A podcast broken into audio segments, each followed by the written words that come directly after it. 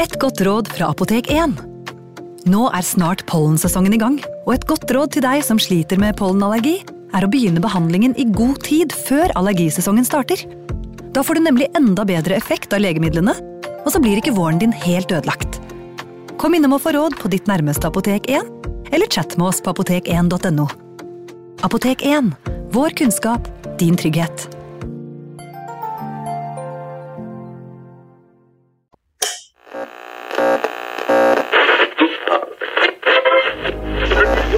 Vi skal gjenta særmeldingen i dag. Nummer én Kjerringa er galen. Nummer to På ski over lyng og kvast. Nummer tre Baklengs inn i aftensangen. Baklengs inn i aftensangen. Vi holder oss i mai 1944. Det var en begivenhetsrik Vi har ikke kommet lenger enn 7. mai, så det er fremdeles første uka. Eh, 1944, begivenhetsrik eh, periode for motstandsfolk og eh, den andre siden, kan vi si. Ja. Og denne gangen skal vi da reise til eh, Kongsvingertraktene, Erik. ja, vi skal opp til Kongsvinger, og um, nå er vi da søndag 7. mai, og det er bare to dager etter at uh, polititjenestemannen Karsten Tank Lorange ble likvidert på på Gjøvik, men nå er vi da ikke så langt unna, og så, så skal det da foretas en ny likvidasjon. Av en helt annen sort, kan vi vel si. At den historien ligner ikke i det hele tatt på den forrige vi hadde. Det er eh, en som heter Gustav Martinsen Stømner, som er 46 år, som er ukas eh, da, skal vi si, offer, da. Ja, han er jo da gårdbruker, um, og den saken er litt spesiell, fordi den er i og for seg ikke glemt enda. Nei. Og på Kongsvinger, når man snakker om eh, Gustav eh, Martinsen Stømner, så, så skjer det noe. Jeg har vært i kontakt med mange, mange der som forteller at dette her er fortsatt et, et sår i bygda. Ja. Og em, noen familier eh, er nok prega av det enda. Og særlig Stømners egen familie, de, de slåss jo i mange år etter, eh, etter frigjøringen, altså helt opp til, eh, til 90-tallet, til de begynte å dø ut, for ja, en del ting som vi skal komme tilbake til, men, men eh, de var ekstremt da uenige og, og kritiske til det som hadde skjedd da eh, med, med denne eh, 46-åringen. Og en av de grunnene til det kan vi gjette oss til, er jo at det ikke helt har kommet eh, ordentlig på bordet akkurat hva som har skjedd. Ja, og at man mente det var tilfeldig. Og den, den historien her, den starter jo da eh, klokken fire om morgenen, da, denne, denne søndagen. Og da er jo eh, Gustav Martinsen Stømner, han, han, han er der hjemme, og står ute i gangen hjemme i, i huset deres. De bor da på en gård. Ja, han er bonde, rett og slett. Ja, han er, eh, han er bonde, og der står han sammen med, med kona si, hun heter Minda Karoline, og de bor da på denne gården uh, i et sted som heter Rålia uh, i, i Kongsvinger da, og de har, uh, de har flere barn, mens, eh, men nå er det to av disse døtrene deres som fortsatt bor hjemme. Det er Guri, hun er 20 år, og så er det Kari eh, på 19, og, og de bor hjemme da på gården fortsatt eh, sammen med foreldrene sine. Guri eh, våkner av at pappa skal gå. Ja, hun hører da at foreldrene står og snakker lavt sammen da ute, i- ute i gangen da, ved, ved inngangs, eller utgangsdøra. Og så hører hun at øhm, døra går opp, og at øhm, da pappaen hennes, altså Gustav, uh, forsvinner uh, ut i, uh, i, i mørket. Det er jo fortsatt nattemørkt da, Mm. klokka fire om morgenen. Og så hører Guri at mammaen, Minda Karoline, eh, eh, snakke litt med seg sjøl etter at Gustav har gått ut døra. Mm. Og da sier jo mammaen det at uh, uffa meg, så mørkt og trist å sende dette mennesket til skogs nå. Og det er jo ingen av disse to damene vet, da, eller altså Guri og, og Minda, det er jo da at eh, det er siste gang de da uh, hører og, og ser pappaen og, og ektemannen eh, i live. Hun hadde en uh, dårlig følelse her, rett og slett, Minda Karoline. Ja, og Guri hun ble jo intervjuet om dette her uh, på 90-tallet en gang, og fortalte jo at det, Dette glemmer hun aldri, og, og det fulgte Det som skulle skje videre, det fulgte jo henne, henne uh, resten av livet. Men det vi, det vi vet, er jo at Gustav Martin Stømner, han, han går da ut av huset, altså ut på gårdstunet, og det han har med seg, det er en sekk med, med litt mat i, og så har han med seg et dobbeltløpet haglegevær, som han har i en rem eh, over, over skulderen. Og det han har tenkt til å gjøre denne dagen her, det er å gå til en seter som ligger i og for seg vest for, eh, for Rålia, hvor han skal jakte på storfugl og uh, orr. Det er ikke akkurat jaktsesong, men det var kanskje ikke så nøye på den tiden? Der. Nei, ikke for han, for han uh, var jo nasjonal uh, samlings... Uh, eller han var, han var, da en av lo de lokale lederne i, i NS. Ja. Og, um, så han hadde rett både til å drive jakt og, og bære våpen, men den type jakt ble forbudt noen år senere, på tiur og, og sånn. Mm. Men um, men uh, den morgenen så var da, var da, målet å gå ut på jakt. Men han var blitt advart om det her på forhånd. For det var eh, ikke helt trygt for å være ute i skogen for eh, NS-folk på denne tiden her? Nei, um, ute i skogen, og særlig på, uh, på nettene og på morgenen, så var mm. det jo uh, mye motstandsfolk som, uh, som, drev med forskjellige ting, ble det sagt. Ja. Altså, de, de drev med aktiviteter og handlinger som helst andre ikke skulle vite om, og iallfall ikke oppdage. Mm. Det kunne og være I hvert fall ikke folk som var på den siden? Nei, iallfall ikke NS-medlemmer. Og um, de drev og tok imot uh, forsyninger og utstyr, og, og, og, og, så hadde de våpen. Ja. Og uh, det kunne være farlig å, å bevege seg ute, og iallfall uh, komme da hva skal jeg si, overraskende på dem når, når, de drev med et eller annet. Flyslipp var det jo mye av over hele Norge. Ja. Og um, på den tiden her så gikk jo krigen definitivt i riktig retning for de allierte, da. Så man kan tenke seg at det ble mer og mer, og de fikk mer og mer selvtillit og, og tok mer plass, rett og slett, motstandsfolkene, da. Ja, og, um, men det som er i og for seg interessant, er at um, disse advarslene fikk jo da Stømner, ja. men han tok dem ikke på alvor. Og han sa at 'jeg skal på jakt', og da blir det slik. Mm. Og, og det, det, ble det jo. Det ble det. Og um, det var jo ikke noe tvil om at han var en uh, eh, NS-tilhenger, uh, for han gikk ganske tidlig inn i partiet. Ja, han gikk tidlig inn. Han uh, var medlem uh, ja, iallfall i 1942. Ja. Så står han oppført som lagfører for lag 12 i Vinger. Og um, tidligere så er han også omtalt som, som både, både, lagfører og i og for seg møteleder for det lokale NS. Uh, laget, så han hadde nok en, en, form for en sentral posisjon sånn lokalt. Men det som kom opp senere, var jo at uh, han neppe hadde noen sånn uh, Altså, han, var ikke spesielt overbevist eller veldig involvert i, uh, i partiarbeid. Han, han, ble ikke omtalt som en, som en trussel på noe vis. snarere tvert imot så, så, ble det sagt at han ikke var en spesielt aktiv nazist, og han hadde jo også flere venner, både i NS-miljøet, men, men, også i, i for seg kall det nøytrale eller, eller, motstandsmiljøer, altså folk mm. som sympatiserte med, med, med Milorg. Og uh, ifølge disse døtrene da, som ble intervjuet om, om pappaen sin uh, i årene etter krigen, de, de sa at det han egentlig var mest opptatt av, det var jo å, å sitte nede i Kongsvinger og ja, gå på kafé og skravle med andre han kjente, da. Ja. Og, um, ja, for han var ikke sånn som vi, flere av de andre likviderte. De, han hadde jo ikke noe, var ikke politimann, han hadde ikke noe militær Det var liksom ingen sånne tilknytninger han hadde. Nei, og på såpass lite sted da, som, uh, hvor det er ganske oversiktlig, som Kongsvinger i og for seg var uh, Og er. Og er.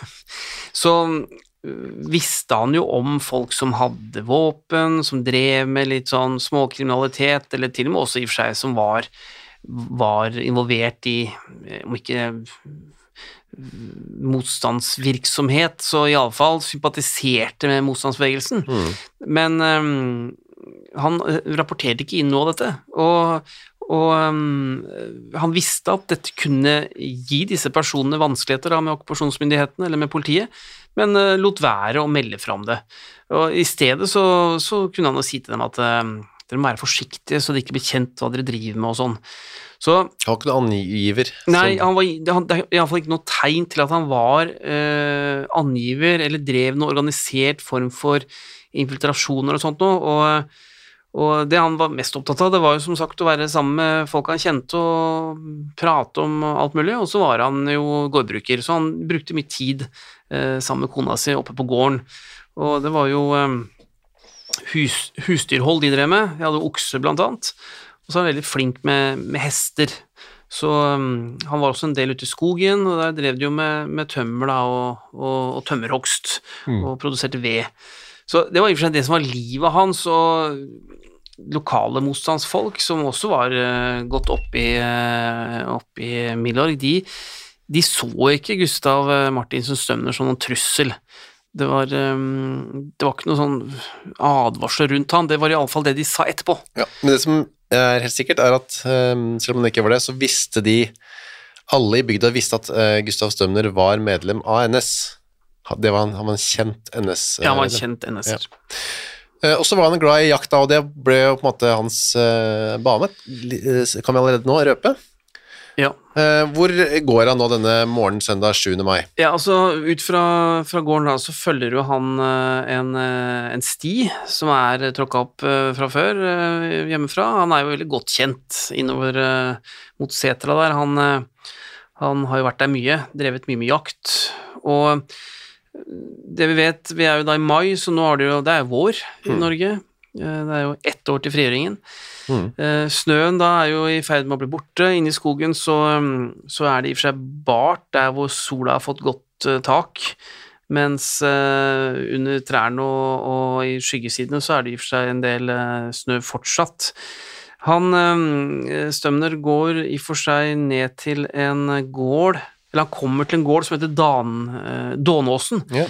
Og der i og for seg um, kommer han i prat da med en, en annen gårdbruker, de, de kjenner hverandre fra før. Og um, der uh, blir de stående og prate litt, og så sier jo Stømner at han skal videre vestover da, mot noe som heter Lyssjøen. Og uh, det er jo der en setra, eller det er ved området til setra, og at han, skal, at han skal på jakt. Ja, og Så, ja, og så tusler han videre, og, og kommer da til den setra i, i løpet av dagen. han kommer seg opp. Og så var planen at han skulle være der kanskje en natt eller noe, da, så komme hjem eh, ganske kjapt. Ja, det var planen. Han skulle um, ha et kort opphold, er det som ble sagt. Ja. Og han fremstår som en person som familien stoler på. Altså, han er ikke noe sånn som uh, plutselig bare blir borte eller, eller driver mye rot og rør. Han, uh, han er jo en pappa og ektemann. Og to dager etterpå, tirsdag 9. mai, så har de hjemme ikke hørt noe fra han. Nei, Og da, da- er det to dager siden han Ja. dro. Og da tyder jo det på at de er ikke vant til at han ikke holder avtaler. Mm. Og um, kona da, og de to døtrene de blir da uh, bekymra, og så kontakter de uh, det lokale politiet på Kongsvinger. Og dagen etter så settes det i gang en eh, leteaksjon.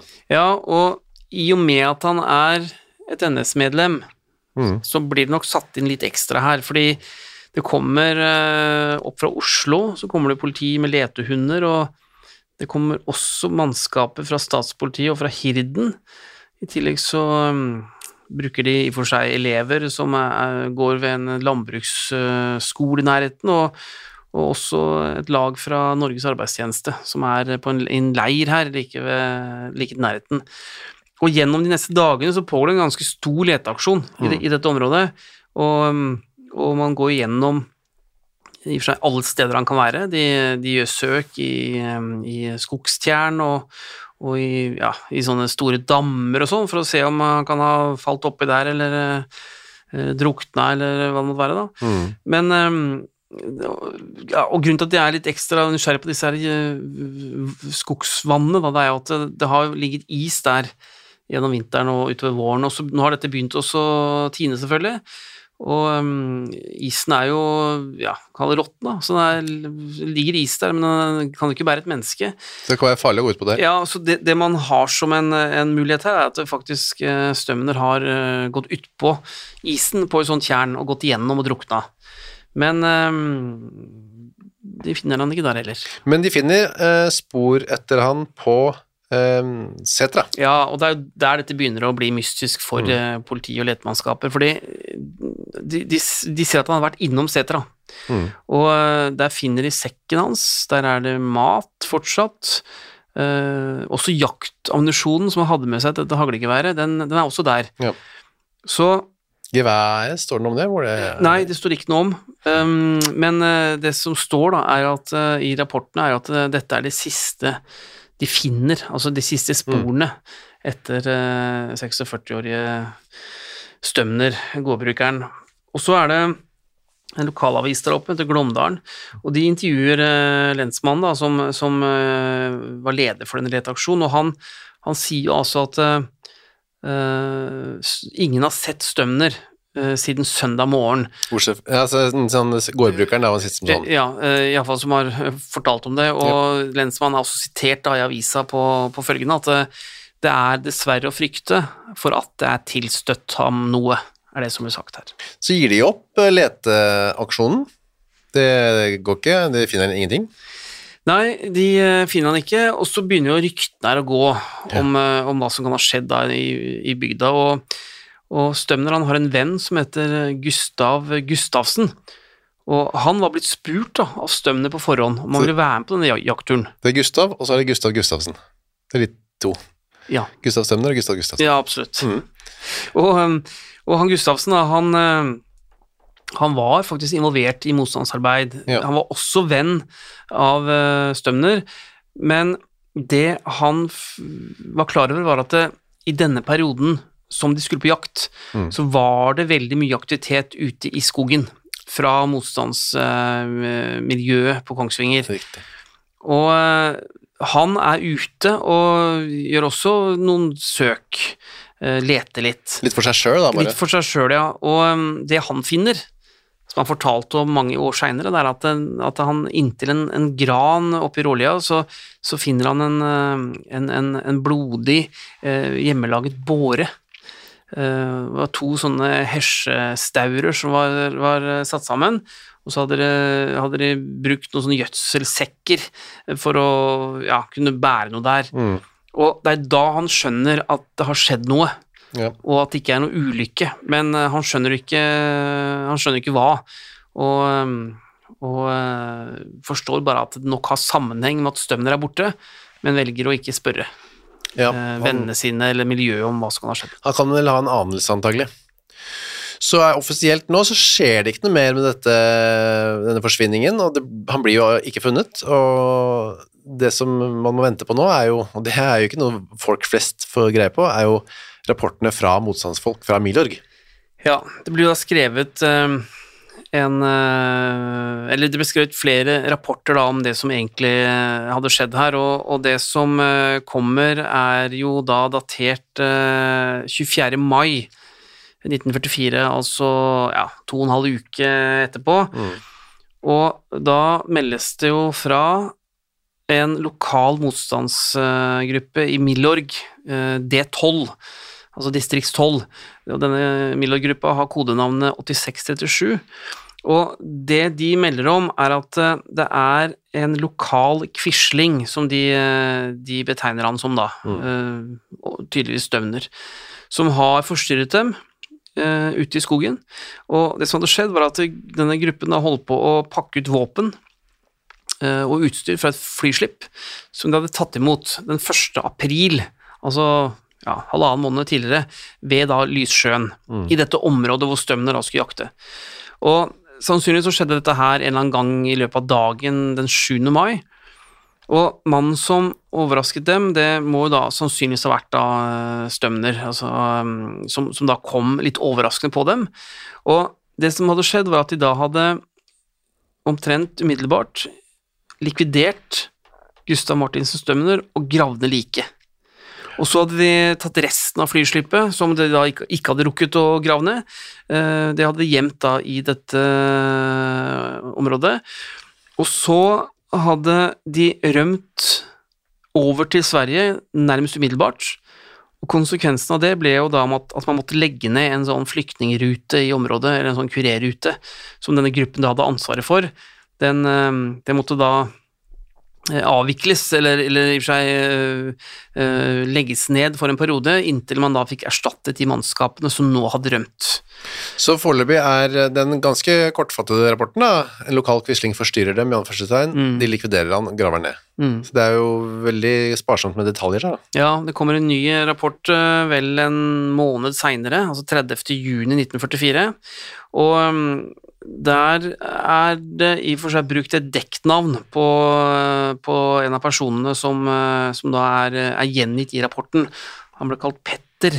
Ja. Og eh, der sier Petter at øh, Han utdyper litt hva som skjedde. han, han utdyper litt, og han skriver det at jeg visste ikke om mannen var alene på jakt, eller om han hadde følge, som kunne ha hørt skuddene og meldt av dette etterpå. Ikke så langt unna hytta ligger en plass hvor skuddene også kunne vært hørt. Hva snakker han om hvilke skudd snakker han om? Etter han har skutt uh, Stemner da? Ja, det er nok det han forteller om her, hvordan Mm. han da eh, hadde skutt uh, Gustav uh, Stømner, og hvordan eh, de da nok måtte rømme fordi de var redde for at dette var blitt oppdaget. Ikke langt unna hytta ligger en plass. Da, altså hytta kan vi regne med at det er setra da. Ja. En plass, altså en, en gård da, eller? Ja, det kan også være Hytta kan også være et skjulested hvor Ja. de har hatt tilhold, så det er litt vanskelig å, Ja, vite, ja. å si nøyaktig helt hva han har ment her. ja. Vi kjente ikke mannen som bor der så godt at vi kunne, burde stole på ham i dette tilfellet, sier han. Mm. Og så videre at sjøen har gått opp langs land, så det var umulig å komme ut på isen og få senket ham i sjøen. På grunn av telen var det umulig å få gravd en så dyp grav at de kunne få ham tilstrekkelig dypt, og jeg måtte regne med at han meget lett ville finnes hvis letingen gikk i de trakter. Var mannen blitt funnet, måtte jeg regne det som så sannsynlig at eh, også slippet ville finnes, da en måtte forutsette følger av hans eh, funn. Så som man kan tolke denne rapporten her, så er det åpenbart at Gustav Martinsen Stømner var blitt skutt, Ja. at det skjedde enten i nærheten eller på seteret hans, som muligens da kan være denne hytta, Ja. og så um, i en ny rapport da, noen dager senere, 4. juli 1944, så kommer det enda flere opplysninger da, om denne, denne likvideringen, og um, der, der kom det frem uh, opplysninger om hvor liket var blitt gjemt, Ja.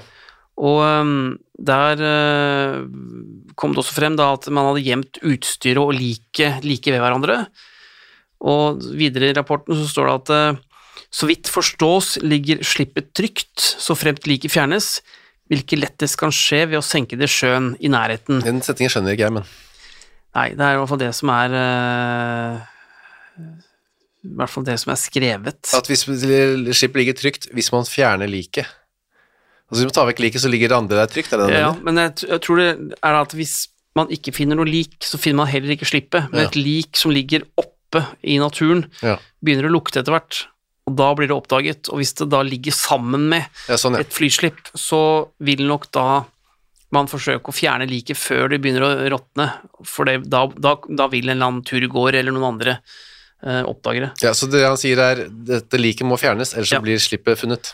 Funnet Det, det er, ja, det er det, det er han mener. Ja. Og han sier videre at eh, i denne sjøen ble det soknet efter mannens forsvinning, så han skulle være trygg på At den ikke finnes, og femt Ja. senkningen skjer på forsvarlig måte. nettopp. Og slik som liket nå ligger, er det efter Petters mening opplagt at det vil bli funnet i løpet av sommeren. Ja. Ja, så, så her er jo hele poenget at uh, man skriver rapporter, det er likvidert en person oppe i skogen, og det liket må fjernes, og det liket er Gustav Martinsens sønner. Ja, og det ligger i nærheten, sånn som det ligger der, så ligger det i nærheten av flyslippet som de var der for å ta imot i utgangspunktet, da. Mm. Så det er jo så langt, det er på en måte det man eh, vet, da. Så er det jo alle spekulasjoner og muligheter og ting som skjer senere. Ja, altså, denne Petter da, fortalte jo aldri offentlig hva han hadde vært med på, og det ble også hemmeligholdt eh, lenge etterpå hvem som hadde dette dekknavnet. Det som trolig skjedde her, var at de som var involvert i likvideringen, ble enige, lagde en eller annen form for en avtale om at de aldri skulle fortelle om det som hadde skjedd. Ja. Dette skulle det ties om. Og um, det som trolig skjedde videre, er at noen av dem brøt denne avtalen og, ja. og fortalte om det mm, til sine ektefeller eller til familien sin eh, på død, død, dødsleiet, altså når de senere skulle dø. Men vi vet jo hvem denne Petter etter hvert var. Ja. Han het uh, Hans Ragnvald Engebretsen. Og uh, jobba på Kongsvinger Transportsentral. ja, han kom fra Kongsvinger, han òg. Han var fra Kongsvinger, og hadde en bror som het Bjarne Emil, og de kom over til Sverige dagen etter at Stømner var blitt likvidert. Ja. Så de rømte, og trolig kan det settes i sammenheng med den likvideringen. For det er en uh, hytte som brenner, som også stemmer med Petters uh, Ja. fortelling. Det stemmer, og denne Hans uh, Ragnvald, da, han er eh, også omtalt med det dekknavnet i andre eh, sammenhenger. Petter, ja. Så det peker jo veldig mot ham, at han iallfall har vært den som rapporterte om det som hadde skjedd. Vi ser også at det er et annet brødrepar som drar samtidig over til Sverige. Det er Otto og Sverre Herdal. 28 og 36 år gamle. Og så er det også en 20-åring, Odd uh, Andresen, um, som drar over noen dager seinere. Og så er det en, en 19-åring, Knut Jahr, som drar på sommeren i 1944. Men alle de her var en del av Milorg på Kongsvinger, og det er grunn til å tro at de dro, eller rømte over til Sverige, fordi de hadde vært eh, med på denne likvidasjonen. ja. Det er ikke usannsynlig, for å si det sånn. Nei, så er denne saken i og for seg ikke ferdig, fordi noen i lokalmiljøet har jo åpenbart en eller annen form for litt dårlig samvittighet, eller eh, ja, føler litt med denne familiens Stømner, så Det som skjer nå, syns jeg er veldig rart også. Ja, fordi noen uker etter han har blitt borte, da, så kommer en fremmed mann hjem til gården. En helt fremmed som de ikke kjenner. Ja, og der sitter jo hun kona, Minda Karoline. Mm. Hun er eh, i og for seg ute i hagen. Hun vet jo overhodet ikke hva som har skjedd. Nei, og de aner ikke de vet bare at han er borte. Mm. Og da kommer det, kommer det en mann På sykkel. på sykkel, og denne datteren, da, Guri, hun eh, fortalte jo om det som skjedde etterpå. Og eh, hun sa jo det at eh, så kommer det en mann der på sykkel og spør om det er fru Stømner. Ja, det er det, sa mor. Jeg kommer med gode nyheter til deg, sa han. Ja, det var gledelig, sa mor. Ja, det er angående Gustav. Ja, det var det. Du får sette deg ved siden av meg på benken, sa mor, så får vi snakke. Jeg kan komme med den gledelige nyheten, sa han, at Stømner er i Sverige, og han kommer tilbake da freden kommer. Og dette fortalte da Guri i et intervju eh, i eh, ja, 1996, et NRK-intervju. Ligger det på nett man kan finne det? Ja, det ligger det faktisk på nett, så det kan man gå og se på. Og den andre søsteren sier også at de satt da og ventet på, på pappaen. Ja, så de altså trodde på den, De trodde på den mannen. Mannen. Så de satt og venta, og mm, etter frigjøringen så satt de og, venta og venta på at han skulle komme da tilbake fra Sverige. Men eh, som hun sa, da, denne søsteren Kari Men far, han, han kom aldri igjen. Så de fikk aldri vite hva som, eh, hva som hadde skjedd da med, med, med faren deres, eller med ektemannen. Og hun enka, eh, Minda Karoline, hun døde jo allerede i, i juni 1950. Ja. Um, Ganske ung, da. ja hun, ja, hun døde jo eh, ganske ung. Eh, Jeg vet ikke noe om dødsårsaken. Ja. Men eh, hun ble gravlagt uh, på lokal kirkegård. Men det som er også interessant, er at i løpet av de siste årene så har faktisk navnet til Gustav Ja. også blitt ført opp på den gravsteinen, men han er ikke funnet. Nei. Så da har man nok familien valgt å, å, å eh, sette opp eh, navnet hans der. Det er familien som har gjort det. Mm, sannsynligvis. Men hvem han, eller hvem han var, er kanskje ikke så farlig, men hvorfor man sender ut en mann som sier 'han lever, han lever, bare vent', det er jo vanskelig, det er vanskelig å forstå, hvis man vet at den er død. Ja, og det kan jo også være at man ønsket rett og slett å ro familien ned, at det var en måte å, å, å avslutte eventuell oppmerksomhet som rettet seg mot motstandsmiljøet, ved at det skulle komme opp nye, nye opplysninger. Men det, det er jo ikke helt ferdig, mm, for altså, så sent som i 1997 så er en av de lokale Milorg-lederne eh, på Kongsvinger, han er da ute i lokalavisa igjen, i Glåmdalen. 8. mars 1997. Og der stiller han opp i et intervju under overskriften 'Milorg likviderte ikke Gustav Stømner'. Og denne, denne Håvard Bjølseth, Han var jo da en sentral eh, person i, Milorg Kongsvinger. Mm. Han var jo blitt yrkesmilitær, eh, nå er han pensjonert da, i 1997, men han forteller da at de hadde ingen grunn til å ta livet av Stømner, og de gjorde det heller ikke. Og eh, han bruker jo eh, begrep som eh, at Stømner var en tøysekopp og sånn, men, Ja. men at han ikke var noe farlig, selv om han var NS-medlem. Så han visste godt hvem Stømner var, da, tydeligvis. Ja, og det er det som er veldig merkelig, at han så sent som i 1997 går ut og avviser at Milorg hadde noe med dette å gjøre, men samtidig burde ha visst, hvis han var så sentral som, som han selv sa, Ja. Eh, så burde han ha visst at Stømner ble tatt av hans egne Milorg-kamerater. Og det kan godt være at han gjorde, men at han her følte, i og med at det var en del oppmerksomhet rundt likvidasjoner eh, i Norge utført av Milorg på den tida mot midten av 90-tallet og, og noen år eh, fremover, så kan det være at han hadde ønske om å distansere denne likvidasjonen fra sin egen Milorg-gruppe og unngå at det kom opp eh, i og for seg eh, ubehagelig oppmerksomhet. Og grunnen til at det var mye oppmerksomhet, var jo boka til Egil, Egil Ullateig, Med rett til å drepe, som en- var en veldig omdiskutert bok Ja. om likvidasjoner. Absolutt. Og der ble det jo påstått, som Sender ble trukket, det var masse styr om den. Ja. Eh, påstått at han ble torturert og ja. brukket armen på. Eh, Gustav Stømner. Men det ble tilbakevist av Arnfinn Moland, som også har skrevet bok om eh, likvidasjoner. Ja, han kom jo da i 1999 med, med sin bok Over grensen, og, og tilbakeviste jo eh, mye av det som Ullateig hadde påstått, men hele poenget med å dra frem eh, Håvard Bjølseth og det han sa så sent som i 1997, viser jo bare at sett etter så mange år, da, så skapte disse likvidasjonene veldige um, følelser. Ja. Eh, rev opp sår. Og eh, Vi kan bare skyte noe at eh, Arnfinn Moland bekreftet også, eller han var også sikker på at Stømner var blitt Ja. likvidert. Ja, og det er, det er det ingen tvil om. Disse rapportene, som jeg er i og for seg den første i, i denne boken de kaller rottejegere, som har offentliggjort, så er det jo ikke noe tvil om at man har likvidert en person, og det må være Stømner, for han er den eneste som forsvant på den måten og, og på det tidspunktet. Men eh, det interessante er at de ikke tar noe ansvar for det. Eller selv i dag tilbakeviser at Milorg var involvert. Ja. Så var det en som øh, 90, i 94 tok kontakt med familien og sa eh, Eller politiet, mener jeg. Mm. Eh, Jeg vil gjerne fortelle hva som har skjedd. Ja, det var- Anonymt. Det var en av, eh, en av de tidligere Milorg-veteranene som eh, eh, ville, ville, ville, ville fortelle i, eh, i, eh, som du sier, i mars 94, og eh, han ville da utdype hvor de kunne finne eh, levningene, altså hvor liket ble lagt. Ja.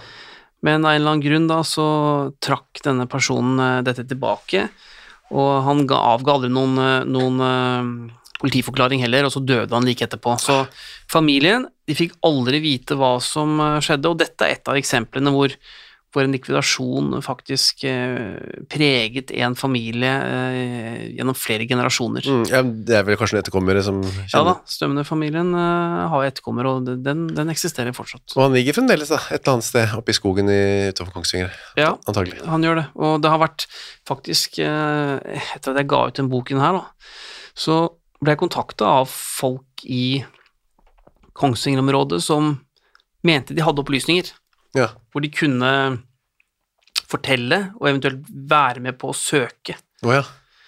Etter levningene. Ja, men så, så, så stoppa det opp. Altså, den dialogen eh, eh, den, den ble starta, men, eh, men kom ikke noe særlig videre. Så noen vet. Noen Noen, vet. Ja, det er ganske fascinerende å tenke på. Kanskje noen som hører på dette her òg. Ta gjerne kontakt. Det var så langt vi kom for denne gangen. Vi er da tilbake med en uh, ny historie og en ny likvidasjon, denne gangen i Oslo, kan vi røpe. Det Takk. kan vi. Takk for denne gangen, Erik Wem. Selv takk.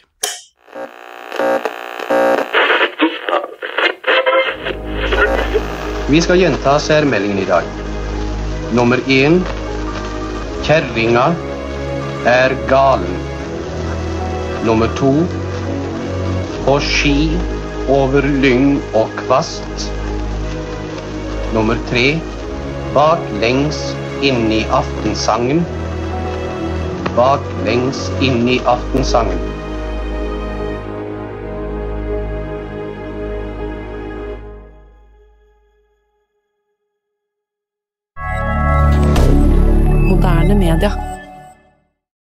Har du et enkeltpersonforetak eller en liten bedrift? Da er du sikkert lei av å høre meg snakke om hvor enkelt det er med kvitteringer og bilag i fiken, så vi eh, gir oss her, vi. Fordi vi liker enkelt. Fiken superenkelt regnskap.